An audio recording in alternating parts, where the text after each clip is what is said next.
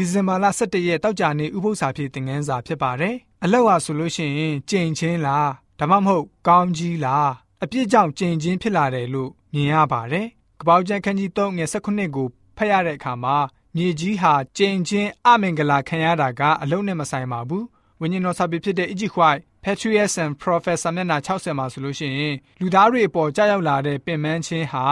ဖျားရှင်မေတ္တာနဲ့ထားရှိပေးခြင်းဖြစ်ပါတယ်။ သူတို့တွေရဲ့အပြစ်ကြောင့်ရောက်ရှိလာတဲ့အကျိုးဆက်ပဲဖြစ်ပါတယ်။ရှာရဲ့အရသာနောက်လိုက်ခြင်းရဲ့အကျိုးဖြစ်ပါတယ်။ဒါကြောင့်အကျင့်နဲ့ကိုကိုချုပ်တီးနိုင်မှုဖျားရှင်ပေးတဲ့သင်ခန်းစာပဲဖြစ်ပါတယ်။လူသားတွေတက်ဆင်းသွားရတဲ့ပျက်စီးခြင်းလမ်းကနေပြန်ပြီးတော့လှည့်လာနိုင်မှု